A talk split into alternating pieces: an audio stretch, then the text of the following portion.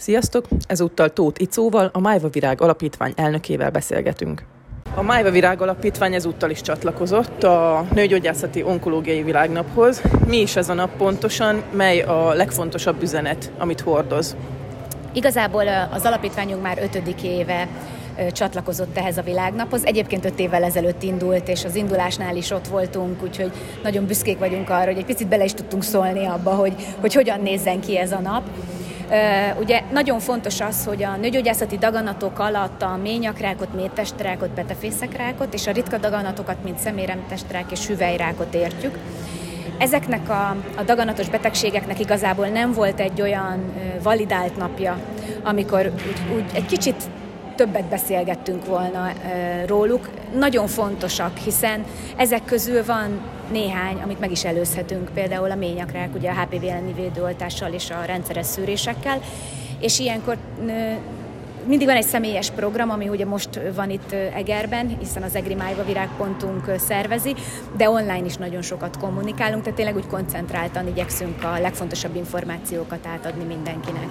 A nemzetközi kampány azt olvastam, hogy a szűrések két típusának ismertetését emeli ki, vagy emelte ki. Melyek ezek pontosan? Fontos, ugye sokan a szűrések alatt igazából azokat a klasszikus szűréseket értik, mint például a, a ményak szűrés, amire ugye el kellene, hogy járjunk rendszeresen. Ez tartozik ugye a mi területünkhöz, illetve már egyre többet foglalkozunk felnyaki daganatokkal, tehát akár beszélhetünk egy szájüregi szűrésről is.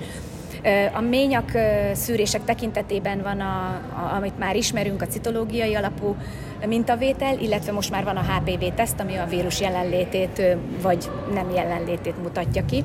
A másik teszt az pedig mindenképpen a genetikai vizsgálat.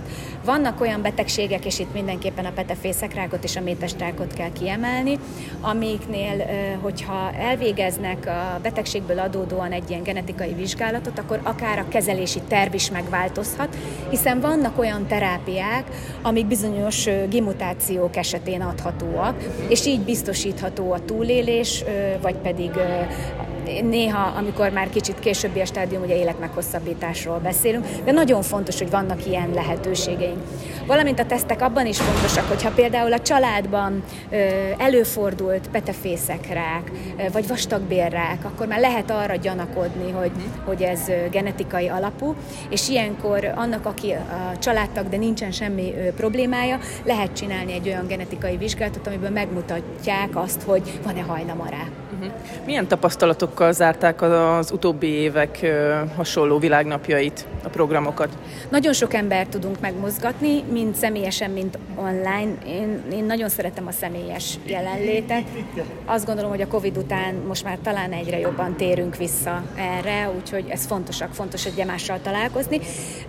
Tavaly Szarvas rendezte meg a Szarvasi Májva Virágpontunk, mert hogy itt ilyenkor van egy úgynevezett Májva Virágpontok stafétája, ugye Szarvasat várt Egernek, és most is azért jönnek, érdeklődnek, sokat beszélgetünk ilyenkor, úgyhogy én azt gondolom, hogy abszolút sikeresek. Néhány mondattal azért mutassuk be a Májva Virág Alapítványt is, mióta dolgoznak, mik a legfontosabb lépések az elmúlt évek során.